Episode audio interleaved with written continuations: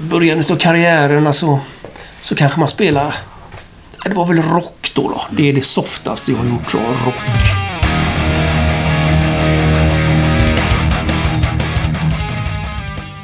Du lyssnar på Rockpodden och det här är avsnitt 85. Idag ska vi träffa supergitarristen Andy LaRock. De flesta av er känner kanske honom som King Diamonds ständige följeslagare, men han har faktiskt gjort en hel del annat också. Han är ju en eh, flitigt anlitad studiogitarrist och dessutom så driver han den eminenta Sonic Train Studios i Varberg. Det var precis till den studion jag åkte för att spendera en dag med Andy och jag måste säga att det var en resa som jag verkligen inte ångrar att jag gjorde. Han var en riktig gentleman och jag hade en oerhört eh, trevlig dag på eh, västkusten. Nu kör vi igång! Du lyssnar på Rockpodden. Angela Rock är dagens gäst. Jag heter Henke Branneryd och jag önskar dig en god lyssning. Underbart! I Varberg Ja, sitter jag i Sonic Train Studios med Angela Rock fantastiskt. på min ära. Tackar. En barndomsidol måste jag säga för mig. Åh, jävlar. Ja. Ska vi börja med det direkt? Vi börjar så. Med det. sjukt nostalgisk. Jag satt och lyssnade på King Diamond här sista dagarna. Och tänkte på, jag vet inte vilken platta det är, eller om det är flera. Som jag och min bästa kompis då när jag var tio. Här, när det var eh, trekanter och fyrkanter beroende på vem det var som spelade solo. Ja. Körde ni det systemet på många skivor? Nej, jag, jag kom faktiskt inte ihåg det, vilka plattor det var. Jag vet att det var på Conspiracy i alla fall och kanske The Eye också. Ja, inte dem. Ja, ja, men, det kanske det var. Det var runt där. Jag, jag, jag kom faktiskt inte ihåg. nej, det var ju den eran det var som störst för mig. Ja, jag kommer ihåg att vi satt där och just jämförde gitarrsolorna, vem som var bäst och...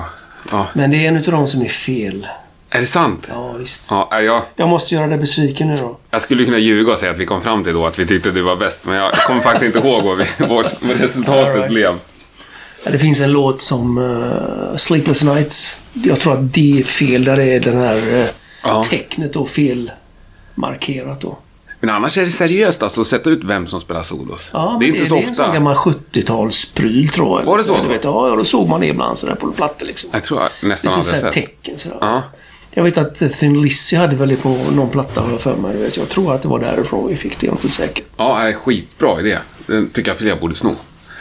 Ja, nej men en grym gitarrist är det oavsett om det var trekant eller fyrkant. Tack. Och det har jag verkligen noterat nu på äldre år när jag liksom börjar förstå musik lite bättre. Jag tycker du har liksom en fantastisk ton. Ja, tack. Ja. Ja, jag har suttit här och lyssnat igenom lite gamla plattor här med King Diamond för att det är alla de första plattorna ska remasteras. Jaha. Lyssna igenom dem från början till slut. Så där, du vet, så att det är ett tag sedan jag gjorde det kände jag. Det är kul att liksom hålla sig lite uppdaterad och kolla sound och kolla låtstruktur och sånt här. Va? Då, Även solo då såklart. Då, va? Och det är kul att, att lyssna på såna här gamla prylar. Shit, spelar jag verkligen det där? Du vet va. Det kan vara svåra grejer du vet att plocka ut nu. Du vet. Jag tänkte, vad fan tänkte jag där liksom? Så det var jävligt uppfriskande faktiskt att gå tillbaka, du vet, typ 30, 30 år i tiden, du vet, och lyssna på de här gamla prylarna. Liksom. Men det blir, bara, det blir bara så att säga remastering. Det blir ingen ommixning och grejer. Nej, det blir ingen ommixning, utan grejen är att det, det blir väl en remastering som ska matcha mer eh, dagens kriterier med ljudnivå och sånt där. Ja. För att de här gamla plattorna inkluderat eh, CD då, det är ju gjort på en väldigt låg, eh, vad ska man kalla det för, ja, ljudnivåstandard va. Alltså De outputen. ja, outputen ligger väldigt lågt va. Man får kräma upp rätt rejält på stereon. Vet, va? Så att vi, vi förändrar liksom inte ljudet någonting på någon, på någon platta utan vi bara höjer upp det ett snäpp så att det matchar moderna plattor helt enkelt. Kräma på lite. Ja, vad kul. Och det kom, de, kommer de släppas igen eller kommer det bara vara... Ja. Ja. kommer släpp- släppas igen. Härligt. Men du, en, en, vi fortsätter bara med viktiga frågor. Alltså, kommer det något nytt med King Diamond? Absolut. Om, inom tio år. Inom tio år. Absolut. Nej då, vi, vi har Fansen snackat om... skriker ju. Jo, absolut. Alltså så fort man lägger ut någon jävla liten pryl om studion, man håller på att jobba med något band. Alltså, inte King Diamond utan vad fan som helst egentligen. Så är det alltid någon som skriker När kommer nästa platta? Ja. Ja, men... nu snackar man om något helt annat här va. Ja. Men det är alltid skrik om det där. Ja, men det var ju ett tag sedan. Ja, det är tio år sedan nu. Du får ta det som en komplimang. Absolut. Nej men det är absolut. Fan. Och varför vi inte har gjort det här tidigare det är för att efter förra plattan så blir ju King sjuk. Ja, det, först hade han ju rejält diskbråck. Det har han ju fortfarande då, men han lever med det så att säga. Då, va? Och efter diskbråcket då, 2009, så fick han ju hjärtinfarkt då. Så han eh, var ju inne akut och gjorde en trippel bypass-operation. I november 2009. Shit. Ja, du vet, han höll på att stryka med. Det var ju riktigt allvarligt. Satt i soffan och höll på att dö. Liksom. Så bara in på sjukan och så sa de till honom att om du inte opereras nu så riskerar du att dö. Så han stannade kvar där och så gjorde de det vet, samma, samma natt. Helt otroligt. Och eh, när vi kom tillbaka då efter det där. Det tog ju några år för han att tillfriskna och bli bra och så här då. Men eh, då skaffade vi en ny booking agency som såg till att vi hamnade på rätt festivaler och gig och sånt där. Va? Så att, eh, under den tiden han var sjuk så har ju hela alltså, trademarken King Diamond vuxit något helt enormt faktiskt. Så vi har tagit tillfället i akt och gjort alla de här bra festivalerna och spelningarna sen han tillfrisknade och därför har det inte funnits chans egentligen att sätta sig ner och fokusera på nya låtar och skriva en platta utan vi har varit ute och lirat liksom för, att, för att tillfredsställa oss själva och folk Ja, ja, ja. såklart. Ja, och det är vi väldigt tacksamma för. Ja, Många, vi, har, vi har snackat om det flera gånger så att nästa år så måste vi fan göra en platta och sådär va. Men då har det alltid dykt upp, ja men fan nu har vi fem festivaler där. Det är viktiga prylar som vi måste göra för att nå ut till de här och så vidare då. Så det är så det har funkat i stort sett hela tiden. Men nu har vi sagt det, 2018, nu jävlar ska vi sätta oss ner och skriva låtar för en platta. Och förhoppningsvis då blir det inspelning till hösten då. Det låter ju fantastiskt. Ja, Finns det utan- någon låt färdig? Eller någon, någon idé? Ja, absolut. Ja. Ja, hela arsenalen full Men sitter ni liksom Idéer. och mejlar låtidéer Nej, varandra? King har väl inte riktigt kommit igång än. Han har mest eh, idéer i huvudet sådär får man väl säga. Då, på både riff, story och eh, små storylines du vet va, och textlinjer och sånt där va. Som sakta växer fram. Till och med scenshow och grejer du vet har både han och jag snackat om och har i huvudet sådär lite grann. Va? Jag kan inte säga för mycket om det där än. Vi får se hur det växer fram men eh, jag har jag kollade senast igår faktiskt. Genom en lista på, i Pro Tools här som jag jobbar med på, på låtidéer och sånt där. Och det finns ju ja, säkert tio idéer i alla fall minst du vet va. Som eh, man skulle kunna utveckla till riktigt bra låtar. Härligt. Så Men- Men, nej, för fan. Hur, hur mycket får du lägga dig i där? Hur mycket styr? Ja. Ah, Det är väldigt olika. Jag reflekterar över att på Conspiracy så skrev jag hälften utav låtarna. Så det beror ju på. Alltså feeling och det ska passa in, du vet, va, i, i, i storyn och alltihopa det här. Liksom. Jag skriver, jag skriver en, typ hälften utav låtarna, du vet, någonstans där. Och så är det något som plockas bort, se över bara det. Du vet, va, plockar in något annat istället. Sådär, va. Så det är väl mer sådär vad som passar i helheten på något sätt. Sådär. ja. Men vi skriver, vi skriver på varsitt håll kan man väl säga. Jag skriver mina prylar och så skriver King sina prylar. Och så lyssnar vi igenom varandras grejer och så kommenterar vi och ändrar om det behövs ändras någonting. Men hur mycket kontakt... har- När hörde du av honom senast? Igår faktiskt. Är det sant? Ja. Kan vi, hur? Berätta. Där vi snackade om, eh, vi håller på att jobba på tacklistor här nu till den här live-DVDn och det som ska släppas i år och sådär då. Nej men vi snackas ju varje vecka. På telefon, mail, mess, Ja, Skype? Skype. Skype. Jo för fan, nej det är alltså lätt varje vecka så pratar vi ju sådär då. Så, eh, Men han bor i Dallas. Dallas. Mm. Ja. Det har gjort länge va? Ja, sen 92 tror jag. Nej men då så. Ny, ny platta på gång. Då, det är egentligen... Ja, man ska inte säga, man ska inte säga för mycket om det där. Fast Det kan det. hända vad som helst. kan precis. Men, men vi håller på att jobba på det. Ja. Och sen hur lång tid det tar, det är fan omöjligt att svara Ja. på. Men vi gör vårt bästa. Ja. Ja, skitkul. Och, men du har varit med i King, i King Diamond så att säga, sen dag ett. Nej, sen dag två faktiskt. Dag två? Mm. Ja. Eh, De hade en annan gitarrist från början i konstellationen King Diamond. Eh, repade och sådär och det funkade väl fint. Gick in i studion och funkade inte med den här snubben. Och jag och Micke, Micke D då, vi hade lirat tidigare ihop i lite olika konstellationer i Göteborg och så här då. Så att han ringde mig. Midsommardagen 1985. Fy fan alltså. ja. Det är ett tag sedan. Ja, det är ett tag sedan faktiskt. Då var du inte gammal. Nej. inte jag heller faktiskt. I alla fall så... Ja, fan. eh, Panda, som man kallar mig. Panda, du vet. Andy Pandy. Du måste komma ner här, vet du. Det, är, fan, det funkar inte riktigt här och du får komma ner och fixa upp det här, tyckte han. Du vet, va. Jaha, liksom. Vad, vad är dealen då? För jag hade ju liksom följt det de höll på med i studion och sådär. Man blir ju uppdaterad, du vet. Och så här, och tyckte, fan shit, det är cool det här alltså. Micke lirar med King Diamond, du vet. Och sa att eh, när han la upp eh, korten här och du vet och sa att ah, fan, du får komma ner och fixa det här liksom. Det, jag är övertygad om att det kommer att funka med dig och sådär. va. Så, så sa jag upp mig från jobbet. Ringde till chefen samma dag, du vet bara. Jag jobbar i musikaffär. Mhm. Jag måste göra det här, det här är mitt livs chans, du vet va. Och var väl på söndagen då efteråt förmodar jag. Så tog jag min Gura och en förstärkare. Åkte ner till Köpenhamn. 22 bast. 200 spänn på fickan liksom. Du vet, det får bära eller brista liksom. Jävla rockstar. Ja. Ja, åkte ner till Köpenhamn.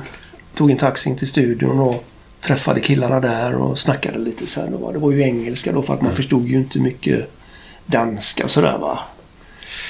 Det tog ett tag innan man kom in i det där. Men eh, de välkomnade mig till studion och så ville de att jag skulle göra audition då på, på någon låt. Och det gjorde jag. På en låt som heter Dressed in White och på eh, första plattan Fatal Portrait.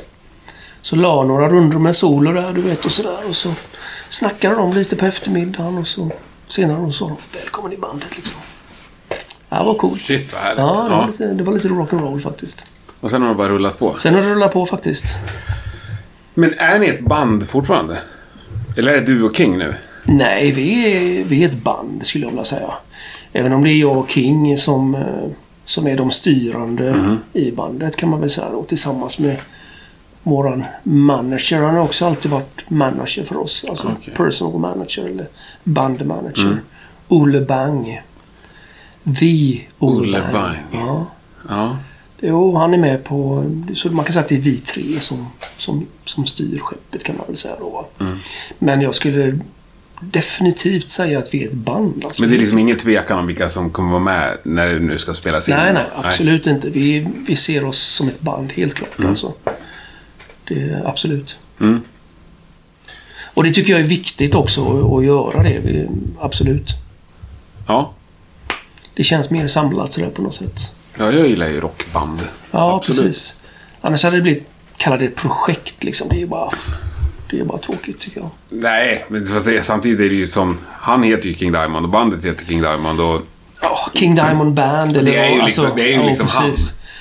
väldigt mycket... Jo, nej, men det är klart det. Det är väl samma som egentligen, ska man se det som Alice Cooper liksom. Ja, ja.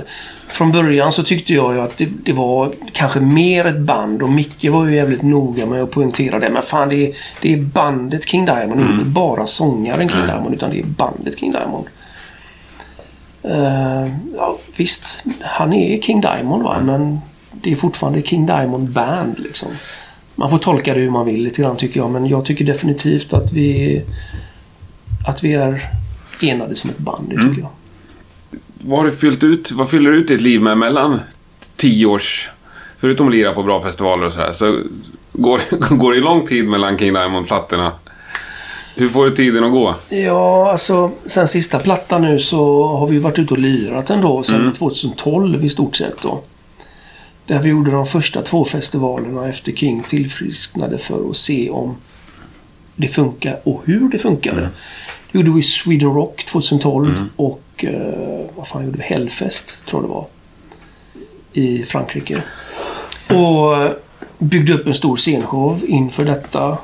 Och det funkar ju helt fantastiskt bra faktiskt. Över förväntan får man ju säga.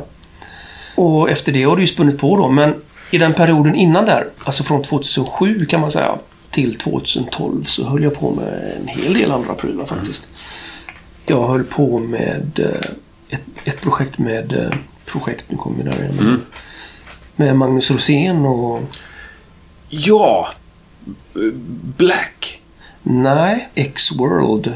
Det var ett annat. Ja, det är en annan grej. Vad hände med det? Ja, vi tar det första första Ja, då. X-World För- 5 det- hette, ja. hette det här då. Då var det med jag, Magnus Rosén, eh, Stefan Svensson, en trummis från Los Angeles. Och Reeves Gabriels, gitarristen i Ting Machine, David Bowie. Okej, ja, sorry. Ja. Ja, alltså här fusion freakad gitarrist, svinduktig. Och Nils K. Rue från Pagans Mind Okej. Var ju sångare i det här bandet. Så vi gjorde en platta liksom. Väldigt experimentellt så här, du vet vad. Eh, spaceat. Då satt jag och Magnus här och gjorde små korta riff. Typ. Och här har vi en vers. Här har vi en refräng. Och här har vi en bridge, eller kalla det vad du vill, på en jävla massa låtar. Och så skickar vi de här små snuttarna då till Stefan i Los Angeles. Och eh, han och Reeves satt liksom och klippte ihop och pusslade ihop låtar på det här då. Och la sina prylar på. Det var jävligt kul att jobba på det sättet faktiskt. Sen när det var klart så mixade vi delvis det där och eh, vissa låtar här då. Och så gjorde eh, Nils då sång på alltihopa då. Det blev jävligt cool faktiskt. Annorlunda stuk alltså. Men finns det, finns det där ute? Finns en platta.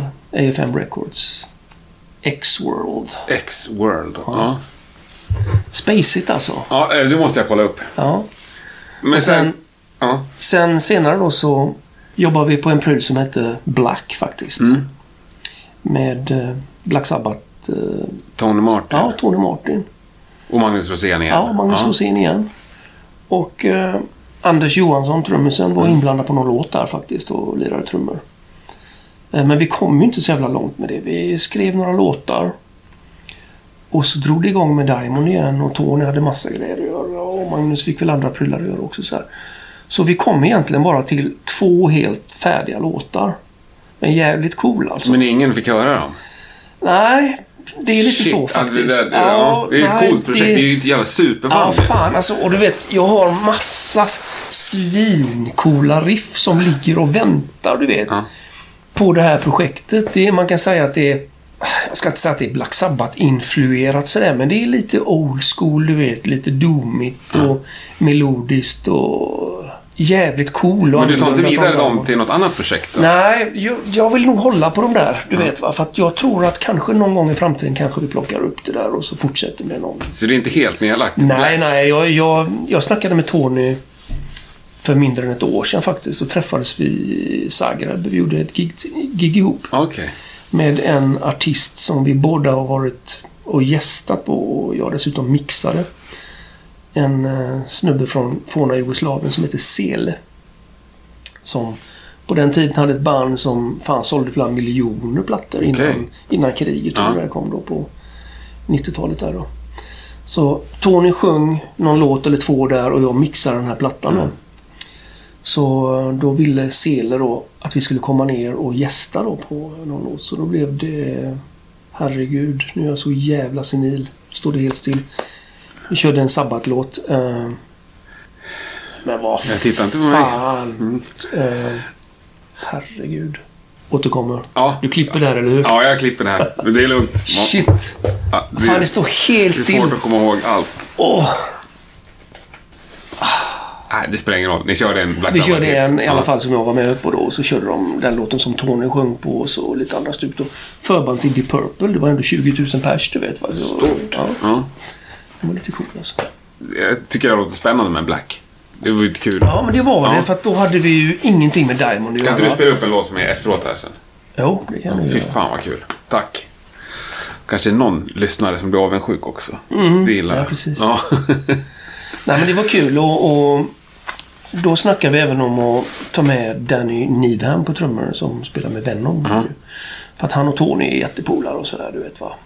Men det kom inte så långt så att vi fortsatte, men jag har riff, jag har säkert en fem sex halvfärdiga låtar till, du vet, som man skulle kunna bygga på, du vet. Kör och, fan, det gäller ju att ha tid också. Det är det som är problemet, tycker jag. Alltså, Ja, ja. Visst. Man har så jävla mycket annat som man måste prioritera först. På något sätt. Ja, vi kommer till det. Ja, Tänkte jag. Men vi fortsätter med lite gitarr först.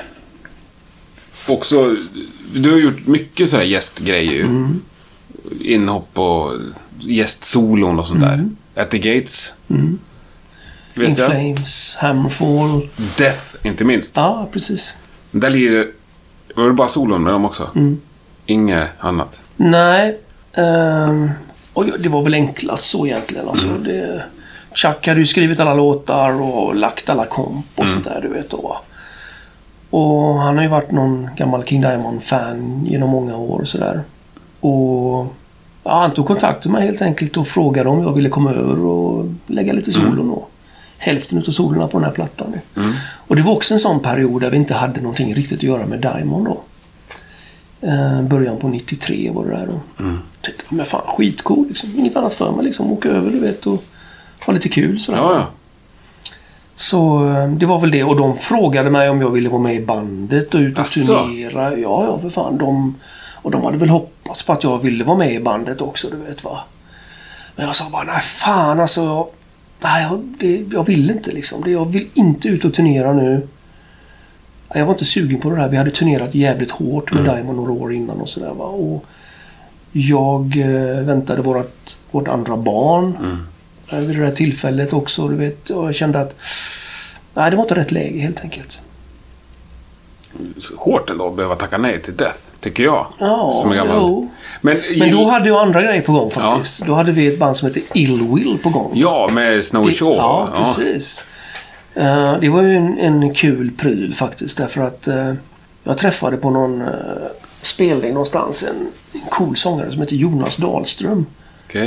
Jag kommer inte ihåg vad det bandet hette han lirade med men det var något sån här Judas Priest coverband. Okej. Och han gjorde det så jävla bra det här va. Så jag var ju tvungen att fråga han.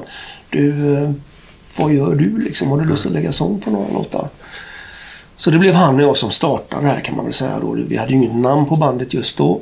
Så vi eh, gjorde några låtar ihop och det blev jävligt cool alltså. Wow, vad fräckt det blev. Och eh, när fan kom Fight-plattan förresten? Halford. Ja. Var det typ 92 eller något sånt där eller? Ja, men...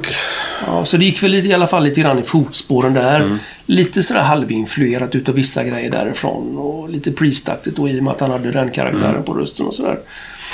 Och när jag spelade upp de här låtarna vi har gjort då för Snowy och Charlie, du vet. Och de sprang runt och bara sparkade i väggarna. Så jag tyckte det var helt grymt, du vet va. Så de, de tyckte, "Ja, fan det är klart vi ska vara med på det här. Det är ju helt grymt, tyckte de. Och så kom ju Snowy med och så skrev han lite låtar och så här också då. va. Så blev det som det blev. Tyvärr tog det lite tid då innan eh, plattan fick en riktig release. Alltså, Det var eh, bara konstigt. Det var liksom... Vad fan hände? Det rann ut sådär på något sätt då med de bolagen vi höll på att deala med. Jag kan inte riktigt förklara varför. För det hade grym potential och sådär va. En bra sound och stenhårda låtar och bra spelat och allt sådär. va. Men den kom ju till slut då, men det blev ju liksom inget mer Nej. än det där då. Då. Det tog så lång tid så att då hade vi redan plockat upp andra prylar igen. Sådär, va. Ja, t-shirtar och tygpåsar och mössor i all ära. Men så här inför sommaren så tänkte jag komma med ett litet tips. Ett kul och eh, co- coolt, eh, jag tänkte säga hårt sätt att eh, marknadsföra sitt band eller sitt företag eller dig som kanske bara råkar vara lite singel är ju att trycka upp egna kondomer. Det finns ett riktigt schysst företag som heter profilkondomer.se. De har gjort det ohyggligt enkelt och billigt att göra det här. Du kan göra ganska små volymer också, så det behöver inte ligga runt sådär extremt mycket. Det finns designmallar att ladda ner på hemsidan och allting är ruggigt enkelt att eh, få till stånd, eh, så att säga. Gå in och kolla och beställ till dig eller ditt band. Profilkondomer.se så eh, är ni snälla mot varandra ute i vår och sommar. Det var allt. Tack. Men har du varit inne på liksom dödsmetall i svängen? Gillar du det, så att säga? Jag gillar att jobba med det i studion och producera band som kör dödsmetall. Men att spela det är en helt annan grej. Liksom. Det, det har jag liksom inte varit inne riktigt Nej. på att spela på det sättet. Så Liksom. jag tänkte ändå Death, Ja. som ändå tillfrågade dig. Alltså, Ja, jo precis. Skulle du, om du skulle lägga med tanken, liksom, skulle du vara bekväm att stå och stämma ner till Jo, nej men det hade jag gjort. och bara kötta liksom? Ja, precis. Ja.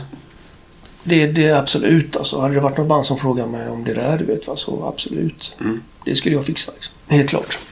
Men som sagt, jag tycker att det är roligare att jobba med det. Alltså producera det och spela in och alltihopa där. Och mixa döds än att kanske skriva sån, den typen av musik och sådär va. Då hamnar det nog mer i så fall åt King Diamond-hållet eller sådär. Mm. Liksom. Musikmässigt Det spel. musik, ja, alltså, ja. det är mer min stil sådär. Ja. Ja, men det där, producera och mixa och spela in, det är det du pysslar med så att säga just nu. För Det är det jag Vi sitter gör. i din magnifika studio här. Ja, det är, Ja. Det, det är det jag gör då när jag inte är ute och turnerar med Diamond eller gör andra grejer med Diamond då. Så är det ju här jag bor helt enkelt och producerar jävligt många ma- massa band och både spelar in och mixar och sådär va. Och vad är det för band? Namedroppa lite. Oh shit. Shining, Mm. vet jag vad det är. De har spelat in de sista tre eller fyra plattorna här tror jag. Sista är väl för ett år sedan nu tror jag de var här. Göteborgsband Katana, de spelar väl ikväll förresten på fan Sticker tror jag. Uh, jag får nästan kolla i en kalender du vet varför. Ja. Men alltså band som har varit här genom tiderna. Vad fan, Evergrey. De första plattorna med Evergrey och... Herregud. Uh, Neil Turbin, Anthrax. Aha, Hans coolt. band håller jag Ja. på att mixa just nu Jaha. faktiskt. Men de, då skickar de hit filer? Ja, då skickar du. de hit Ja. filerna. Men de har ju en svensk gitarrist. eh, som eh, kommer ner emellanåt och så här och kollar läget. Eller det är meningen i alla fall. Liksom. Ja. Jag har ju precis startat med det här och så.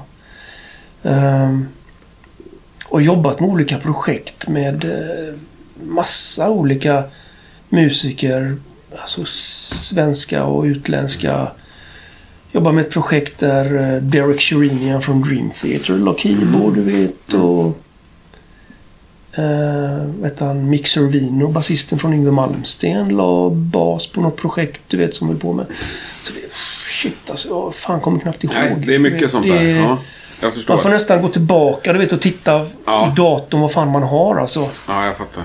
In Flames var väl här och spelade in någon pryl här för skitlänge sedan. Du vet, Hammerfall var uppbokad här en månad.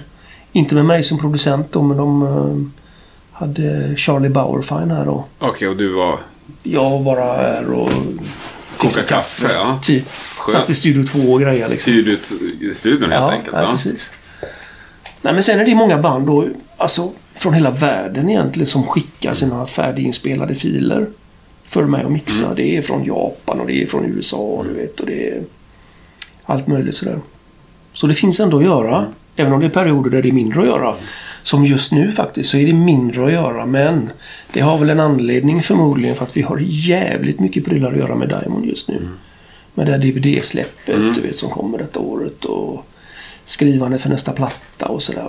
Det finns ju fortfarande luckor såklart som man eh, skulle kunna fylla Mm. ut med band som kommer ut och sådär. Men det är, det är ett, ändå ett hektiskt år alltså, helt Ja. klart. Men det där med att mixa, och, är det något du brinner för så att säga? Eller är det någonting du har börjat göra för att Nej, kalendern? Jag höll på det med det jävligt länge faktiskt. Mm. Det startade väl som ett intresse i början på 90-talet kan man väl säga. Eh, när man ville då presentera eh, grejer som lät lite bättre för de andra i bandet när man skrev låtar och sådär va. Så jag började jag skaffa en liten porta du vet och så började man bygga ut det där till en åtta kanal. Så sen köpte man en riktig rullbandare för att det var folk som tyckte fan det där låter ju svinbra. Du har spelat in det där på åtta kanaler liksom. Du får nog komma och spela in oss eller om vi kommer till dig och spelar in här. Och sådär. Så byggdes det på du vet va. Så att 95 då kan man väl säga så hade jag en eh, fullt utrustad studio och började köra på professionell nivå så att säga. Då. Så det är några år ändå liksom. Mm. I Angered? Ja, Los Angered Recording hette vi då. Självklart en ordvits. i- Ja, jo, precis. Los Angered. Ja, du vet, och då i början var det ju jävligt mycket black metal och dödsmetall och sånt där. Alltså. Skitkul. Man lärde sig jättemycket utav det. Och eh, det som jag har lärt mig utav de producenterna vi har jobbat med, det har man ju haft otroligt mycket nytta utav såklart. Eh, När man själv började köra upp det här med vilka mickar man ska använda och hur man mickar upp och varför man gör det här och det ena och det andra och sådär va. I början kanske man inte tyckte att det var lika kul att sitta och lyssna på när Micke du vet, slog på en jävla puka i två timmar liksom. Nej. För att det lät inte rätt du vet. Jag tyckte bara, vad fan kom igen nu. Du vet. Det här är inte kul va. Men man fick ändå lära sig på något sätt vad man gjorde åt saken. Även om det inte var lika intressant då. Men man tog det på något sätt ändå tillvara på informationen på något sätt. Och gjorde något bra utav det när man sen startade sin egen, egen pryl. Då. Och eh, vi har jobbat med Chris Tangarides på Conspiracy-plattan. Då var ju han eh, medproducent där. Vänta, det är han som producerar Anvil. Ja, Sista Anvil Ja. var det väl. Och Painkiller. Ja, just det. Black Sabbath, Ja. Thin Lizzy, Judas Priest, alltså Sad Wings of Destiny.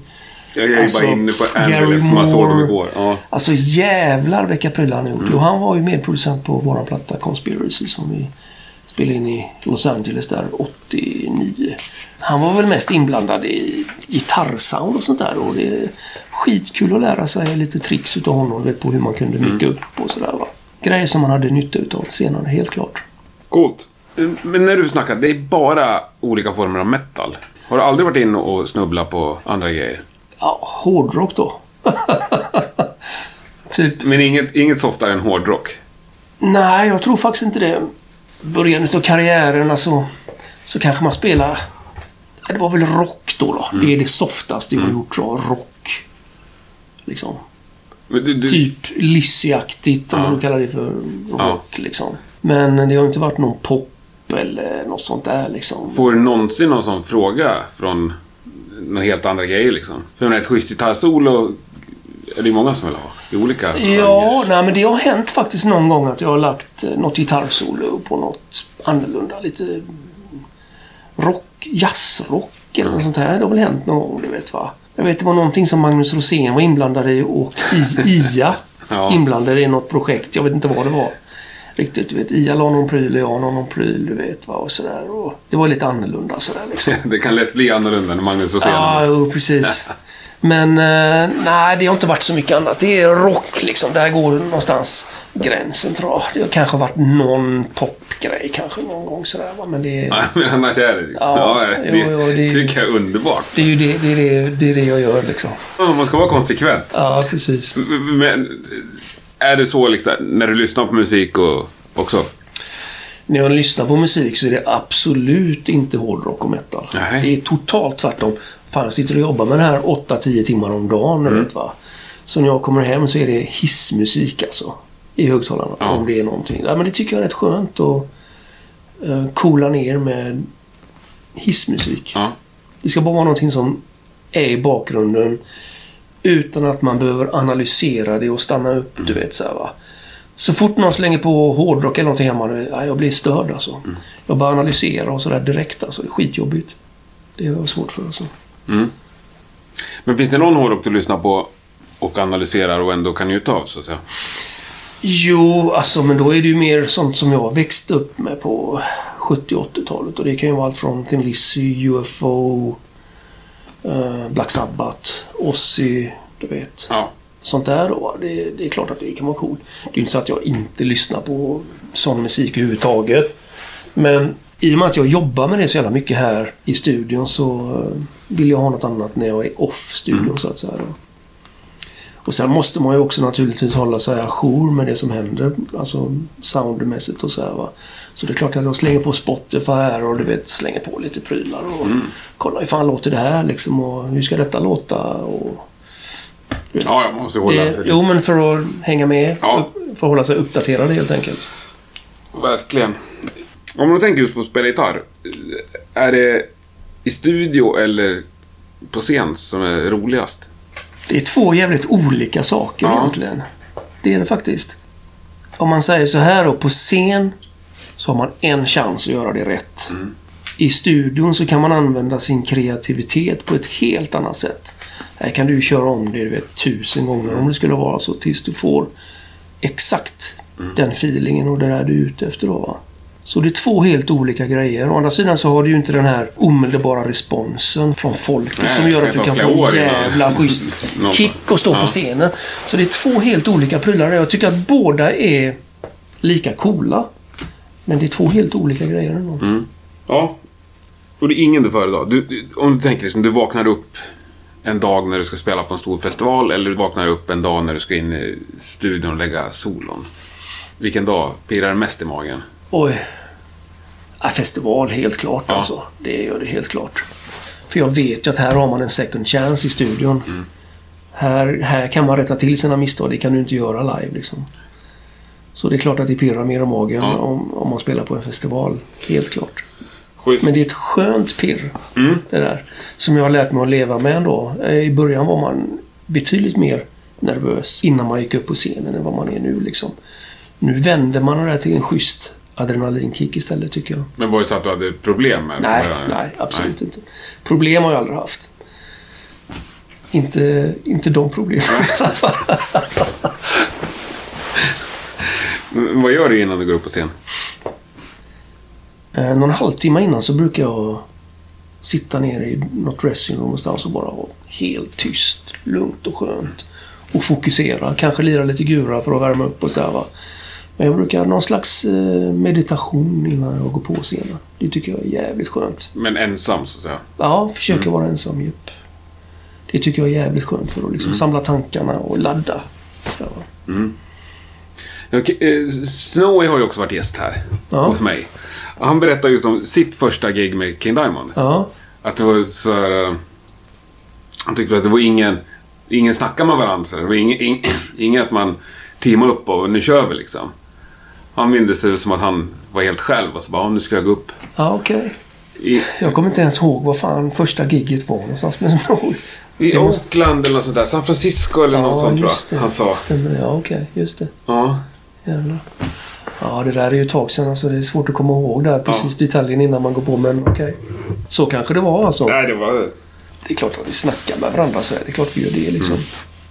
Det tycker jag nog att vi har varit rätt bra på sådär. Men, men det är klart första gigget för honom och sådär. Han, han, han måste ha känt en jävla press ändå alltså. Ja, han kom ju från typ ingenstans Nej, också. precis. Ja, Så det är klart att så, så kan man ju uppleva det liksom att för fan liksom. det är ingen som gullar med mig. Nej, precis. Nej. Vad är du mest stolt över av allt du har gjort? Nej, det är väl att vi har hållit på så länge med det här faktiskt och kämpat oss igenom både good times and bad Mm. times. Vi fortfarande står här och rockar alltså. Mm. Det måste man ändå vara glad över faktiskt. Mm. Och att man inte har gett upp utan det är fortfarande, man brinner fortfarande för musiken på något sätt. Va? Och byggt upp det till en, till en schysst pryl alltså. Mm. Så det är väl en grej som hela karriären egentligen. Faktiskt. Ja, jag förstår. Och även gjort, gjort, vad ska man säga, gjort något bra utav den här downperioden som vi haft med Diamond. Du vet, Byggt upp studion här då. När det inte funnits någonting att göra så, fan, du vet. Byggt upp en second career på något sätt. Eh, Med det här då. Det är jag också jävligt glad över faktiskt. Ja, jag förstår. Verkligen. Men om du ska vara, jag behöver inte kalla dig stolt då, men har du något så här klipp du kan gå tillbaka och lyssna på eller titta Ja, på? du tänker på något, alltså rent musikaliskt, någon, någon platta en, eller så. En minut där du är som bäst. Ja. ehm, jag tycker att Abigail-plattan är jävligt bra alltså. Ja. På något sätt så är det fångat en jävligt skön atmosfär där. På den plattan som vi alla på något sätt var delaktiga i. Det blev bara en jävligt speciell grej alltså på den här plattan. Jag kan inte förklara varför. Det Tycker du att den precis som att vi bara wow. Ja. Vi gav allt på den här jävla plattan på något sätt. Nej, det är den du tycker är bäst också fortfarande. En utav de bästa, helt klart. Det måste jag nog säga. Bra sound och det, det vi ville, det blev liksom totalt fångat där på något sätt på den plattan tycker jag. Bra låtar och allt, allt är bra på den. Ja, fan den är bra. Mm. Du har inget klipp där? Du får ta en minut och visa upp för till eftervärlden. Åh herregud. Ett solo. Ett solo. Okej. Solo till Welcome Home. Det tycker jag är lite coolt faktiskt. Härligt. På eh, den plattan. Ja. Och det kommer jag ihåg att det var det första solot jag la på den plattan också. Och det är fortfarande det jag tycker är bäst på den plattan. Det är jag stolt över.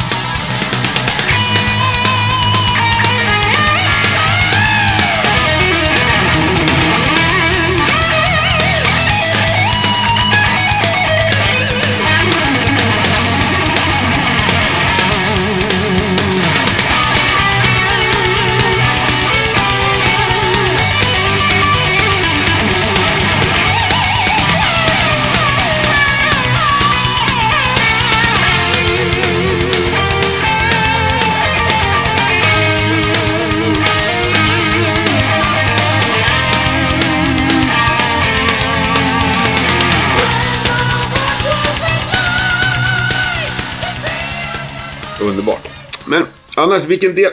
Du är ju liksom inblandad i hela kostcirkeln i musik. Mm. Känns som. Kanske inte liksom Nej. bolagsbiten, men, men annars. Ja, precis. Vilken del trivs du bäst med? Liksom? Ja, nej, men jag trivs med allt det som man gör i en inspelningsstudio skulle jag vilja säga. Att från det att banden kommer hit, ta hand om bandet, eh, se till att de trivs och har det gött. Till att eh, gitarrerna är fan stämda och fixade innan man bara spelar in och eh, gött kaffe och nej, men du vet hela biten sådär. Att bandet spelar bra och ett bra sound på prylarna. Hela biten, allt man gör i en inspelningsstudio skulle vara så här. Det tycker jag är jävligt kul att jobba med. Helt klart.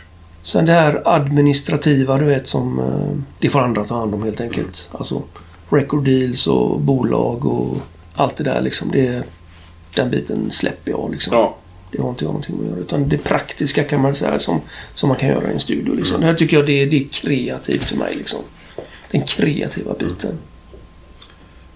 Är det också... Då tar du hellre en vecka i studion än en vecka på turné, så att säga. Det är också två helt olika prylar faktiskt. Det beror på alltså. Men du trivs att vara på turné? Det beror på. Ja. Jag trivs att vara på turné. Ja. Om det är rätt omständigheter. Helt klart. Vi, vi gjorde en jävligt hård turné i eh, USA sist, 2015. Som var grymt intensiv sådär va. King blev lite sjuk på slutet och många i crewet var lite halvkrassliga och hade massa andra problem och sådär. Och kände bara fan är det värt det här liksom? Det är klart att det är kul ut och spela och sådär va. Men det måste vara rätt omständigheter och rätt förutsättningar sådär va. Och då hade vi gjort tre turnéer i USA på ja, lite drygt ett år sådär va. Det var jävligt slitsamt faktiskt. Så då kände jag fan vad gött att komma tillbaka och jobba i studion nu så här, va. Så det är en balansgång mellan Jag det där liksom. jag, jag gillar ut och turnera. Jag tycker det är skitkul ut och lira. Men det måste vara under rätt förutsättningar också. Men vilka förutsättningar är det som ska vara rätt då? Vad är viktigast? Allt från transporterna mellan ställena till eh, ställena man spelar på, du vet. Och ger det schysst betalning så är det också en bonus såklart, du vet va. Det är massa sådana grejer som, som måste funka liksom.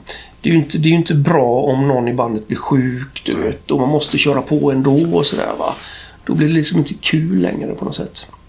Och när man känner att fan, ja, nu, nu vill jag inte det här längre. Nu vill jag fan bara åka hem liksom. Nu är det bara tråkigt och jobbigt. Det kan bli jävligt slitsamt. Sen å andra sidan så, så skulle jag kunna tänka mig att göra en sån här sju dagar i veckan turné också. Du vet, va? Lira varje dag du vet, va? under en kort intensiv period. Hellre det än att ligga ute i fyra månader och göra tre gig i veckan. Sådär, va? Det är också jävligt slitigt alltså. Det blir mycket, mycket tid att Ja, precis. på. Men det, alltså... Sång, sången är ju ett instrument och sådär va. Så att eh, det hade ju varit ohållbart för oss att köra sju dagar i veckan med King liksom. Det hade ju inte funkat. Men jag kan tänka mig att just den sången är väldigt svår. Ja, nej precis. Det, det, Köra två timmars gig. det hade funkat kanske en vecka, du vet va. Sen hade det, det brakat ihop, du vet va. Men vad kör, kör han tre i veckan? Är det max från... Tre eller fyra någonstans Ja. där liksom. Ja, fyra skulle jag vilja säga. Och på den turnén vi gjorde 2015 så var det upp mot fem gig i veckan, du vet va. Och de dagarna vi inte lirade, då åkte vi istället. Sådär, va? Så det var jävligt hårt alltså. Så det var inte helt ultimat. Och så var det vinter i USA, du vet. Och, så det var, det, var, det var tufft. Tufft liv. Jo, nej men har, har ni något gig inbokat med Diamond? Nej. Inget? Säger du och ler. Ja, det var inte riktigt vad jag hade väntat mig faktiskt eh, av eh, detta året, får man väl säga då. Men eh, eh, vi laddar ju stenhårt inför 2019 istället. Och det känns som att vi har gjort de här stora festivalerna med den här showen och de här låtarna nu. Att det finns liksom inte så många mer ställen att lira på dem. Så att eh, förhoppningen är då att med en ny platta eh, nästa år, ny scenshow, nya friska tag, komma ut och spela på eh, massa festivaler nästa år. Hur ser liksom publiken ut, tänkte jag, över världen? Är han stor överallt, King Diamond? Eller ni? Ja, jag, vet inte om jag kan avgöra det riktigt men de Men här... turnerar ni i Sydamerika och Asien? Nej, vi turnerar ju inte riktigt där, men vi har gjort festivaler Ja. där. Och då snackar vi ju fortfarande. Vi gjorde eh, första spelningen nu på väldigt länge då i Sydamerika. gjorde vi i Mexico City eh, i maj.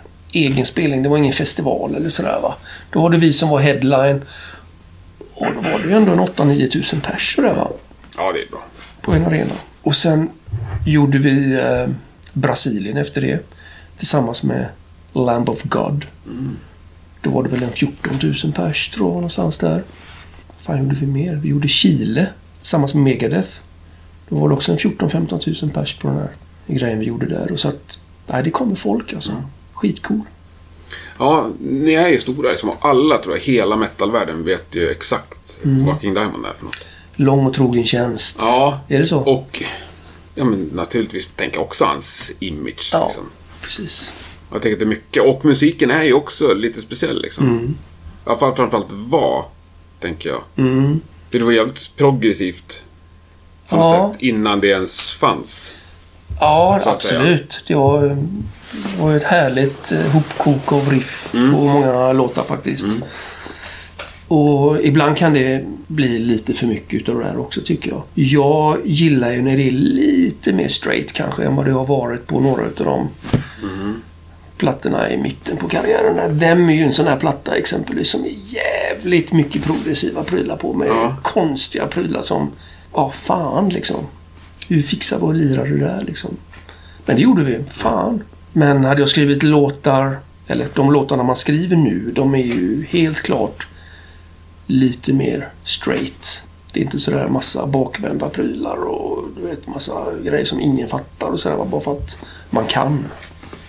Vi, vi har liksom ingenting att bevisa på det sättet Nej, att, nej. Vi, att vi måste göra massa komplicerade prylar och så här. Jag vill ha musik som man kan slänga på, du vet, och bara wow, shit, det svänger, du vet, och det är schyssta melodier och det där. Det tycker jag är mycket viktigare än massa bakvända takter och... Men det är ändå inte, ni är ändå inte nere på ACDC. Nej, nej, absolut. Och där, där kommer vi väl inte hamna heller. Nej. Liksom. Eh, även om vi kanske har några låtar nästan ACDC. nej, det har vi inte, men... Nej, alltså... Jag gillar när det är lite straight forward och Ja. liksom man kan... eh, när det svänger alltså. Ja. Det, det gillar jag. Ja, jag, jag är med dig på det. Men du som är liksom ändå, får vi kalla det supergitarrist? Det kan vi göra. Tack. Ja. Ja, men du är extremt välkänd som gitarrist. Liksom. Man får ju uppenbarligen göra massa Nu skäms lite här. gitarrjobb. Ja, men det behöver du inte göra. Äh, äh, gillar du liksom så här, prata gitarrer och gita- gitarrism? Liksom? Jag tänker mig att det kommer extremt mycket gitarrister till dig och vill snacka om olika saker. Nej, men det gör ju inte Gör det inte ändå. Nej, inte sådär eh, överväldigande Nej. påtagligt får man väl säga ändå. Klart man får alltså, fråga ibland vad använder du för prylar och så här, Mm. du vet va. Men ja, det är inte sådär att... Nej. Nej. Det, är inte folk som vill komma hit och få sessions av dig. Nej, det är faktiskt inte det. Inte, nej, för fan. Nej. Det är rätt skönt. Ja. Du är en supergitarrist som får vara i fred. Ja. Skönt. Vilken är den mest musikaliska personen du har lirat med? Den mest musikaliska personen jag har lärt mig. Åh, jävlar. Tål att tänkas på lite. Mm. Eh, Jag skulle nog vilja säga att det är nog faktiskt eh, King och Snowy faktiskt. Bra. Härligt att höra. Ja. Ja. ja. Det är två utav dem i alla fall, ja. får man väl säga. Lirar King någonting? Han lirar ju lite gitarr. Mm. Han skriver ju låtar på gitarr och sådär va. Och lite keyboard också såklart då va. Men han har ju massa idéer här du vet som är fan bra alltså. Coolt. Ja. Och Snowy, alltså vad ska man säga, han är ju multi-instrumentalist. Alltså, han är ju genialisk på eh, det han gör, alltså helt klart. Ja, Jag, älskar ju honom som trummis. Du har ju tjatat på honom, men han, han skiter i det som han Ja, säger. jo, Men v- vad uppskattar du annars hos, liksom, hos dina medmusikanter? Ja, vad fan.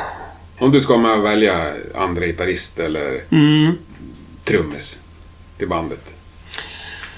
Vad går? Musikaliska kvaliteten är ju svinbra men det är ju lika viktigt att det är en bra snubbe såklart också. Det är ju lika jävla viktigt alltså. Ehm, ja, när man alltså, säg att vi hade skaffat en ny gitarrist exempelvis. Så tycker jag att kriterierna hade ju varit att det skulle vara en snubbe som dels då tight kompgitarrist. Jävligt viktigt. Och eh, melodisk sologitarrist.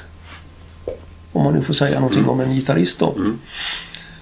Och um, trummis. Alltså, vi har ju fan en av världens bästa trummisar i bandet nu. Han är ju totalt jävla underskattad egentligen. Matt Thompson. Fan vad duktig han är alltså. Det är helt sjukt alltså. Och du har ändå lirat med Micke du vet i många år liksom som är helt fantastisk. Och Snowy. Och Snowy också, Ja. precis. Matt han är, ju, han är ju utbildad och skolad som jazz och du vet, han kör ju allt alltså. Fusion och rubbet va. När han sitter och lirar själv, du vet bara... pff, Herregud, han kan Men, ju men allt. vad gör han nu i i tomrummet? Eh, han lirar med lite olika band och projekt sådär va. Mm. På ja, lokal och lite annat runt om i USA. Så han bor ju också i Dallas. Eh, massa olika prylar liksom. Mm. Olika stilar också va. Men han är... Fan vilken stabil trummis han är alltså. Härligt. Det hör man ju på den här live-DVDn här också. Mm. Som jag och Pontus Norgren har på och mixat här liksom. Det är inte många grejer som är tabbat där alltså på trumspelet kan jag säga. Så jävlar vad stabil han är alltså. Nej, fantastisk trummis. Mm, kul. Skitbra. Ja, men du kom i kontakt med jävligt mycket band. Vi snackade lite om det här vi fika. Så Det finns så mycket bra svenska band. Mm. Ja. Har du några svenska band som du tycker förtjänar ett bättre öde? Ja, men ett band som jag tycker man kan eh, ge en chans det är eh, Secret Society som jag mixade här i eh, november-december. Mm. Det är i grunden några svenska musiker med lite olika utländska sångare. Bland annat eh, Paul Sabu.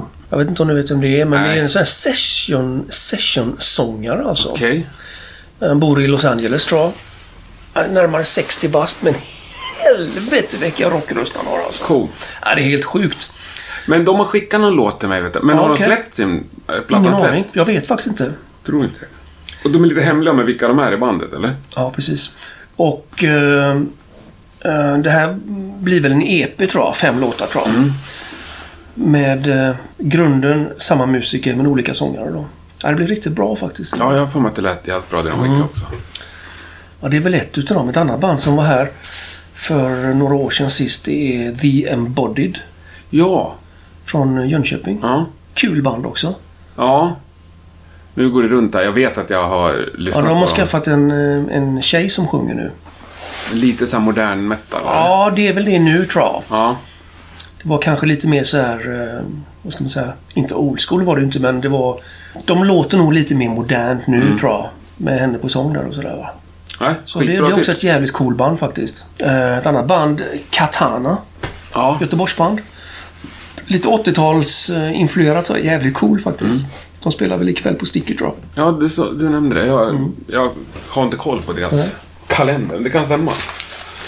Men det är några av de banden jag tycker man kan ge en chans som har varit här Ja. sista året eller sådär. Skitbra. Hur mycket bokat har du i studion framåt? Just nu har väl inte jättemycket bokat förutom de här mixen jag håller på med med, eh, med Neil Turbin och hans Death Riders. Eh, och så lite småprojekt sådär framåt men i och med att det är så mycket med Diamond att göra just nu så gör det mig liksom ingenting heller. Det är remasteringar, göra färdigt den här live-DVDn och skriva låtar för nästa platta och sådär va. Och jag vet ju att det är perioder upp och ner Ja. som det är för de flesta så att eh, det kommer. Härligt. Ja, ska inte störa dig för mycket i låtskriveriet, tycker jag. Så den där plattan kommer. Nej, precis. Ja, det som är skönt nu är att vi har Marcus här också som, som kan ta över. Om det blir jävligt mycket att göra. Ja, här i studion, i din studion. kollega, Så ja. Han hoppar in här du vet och Ja. hjälper till om det är, när det blir hektiskt och sådär. Ja. Så det är skönt. Ja, så ska vi faktiskt börja och lira in eh, ett norskt band som heter Critical Solution. Okej. Deras, vad fan är det, tredje plattan? Kommer fan inte ihåg. Spelade in ett par låtar utav den i alla fall. Ja, bra. Eh, schysst band. Eh, lite thrashaktigt också så här, men mycket melodi. Börjar med dem här i 17 maj faktiskt. Härligt. Men du ser, de fick ju skitmycket tips att kolla upp. Ja, för fan. Det är ju strålande. Nej, vad säger du? Har du något mer du vill ha ur dig? Eh, nej, det är väl det här att eh, jag hoppas verkligen att vi får ihop en platta detta året med King Diamond så att eh, vi kan glädja alla våra fans där ute. Ja, jävlar vad glada vi kommer bli. Ja, vad kul. Ja. Och hoppas också att eh, vi ses på någon festival då 2019. Ja. Grymt trevligt. Stort tack för att jag fick komma hit och störa dig ett par timmar. Tack själv. Ja, mycket, mycket trevligt. Ja, vad trevligt. Tack! Det där var faktiskt allt vi hade att bjuda på idag. Stort tack för att du har lyssnat. Jag skulle vilja slå ett slag för att du går in på Instagram och letar upp Rockpodden. Det händer faktiskt lite roliga saker där. Till exempel varje onsdag så kommer det lite ledtrådar kring vem som är veckans gäst. Det är också så att det där även är en tävling och den här veckan då var det en kille som vann en ruggigt eh, schysst exklusiv King Diamond eh, tisha som Andy hade skickat med. Bara en sån sak. Rockpodden heter vi såklart. Gå in på Instagram omedelbums. Nästa vecka är vi såklart tillbaka. Även då hoppas jag att det blir ett avsnitt som du kommer vilja lyssna på. Ha det så gott så hörs vi snart igen. Tack och hej!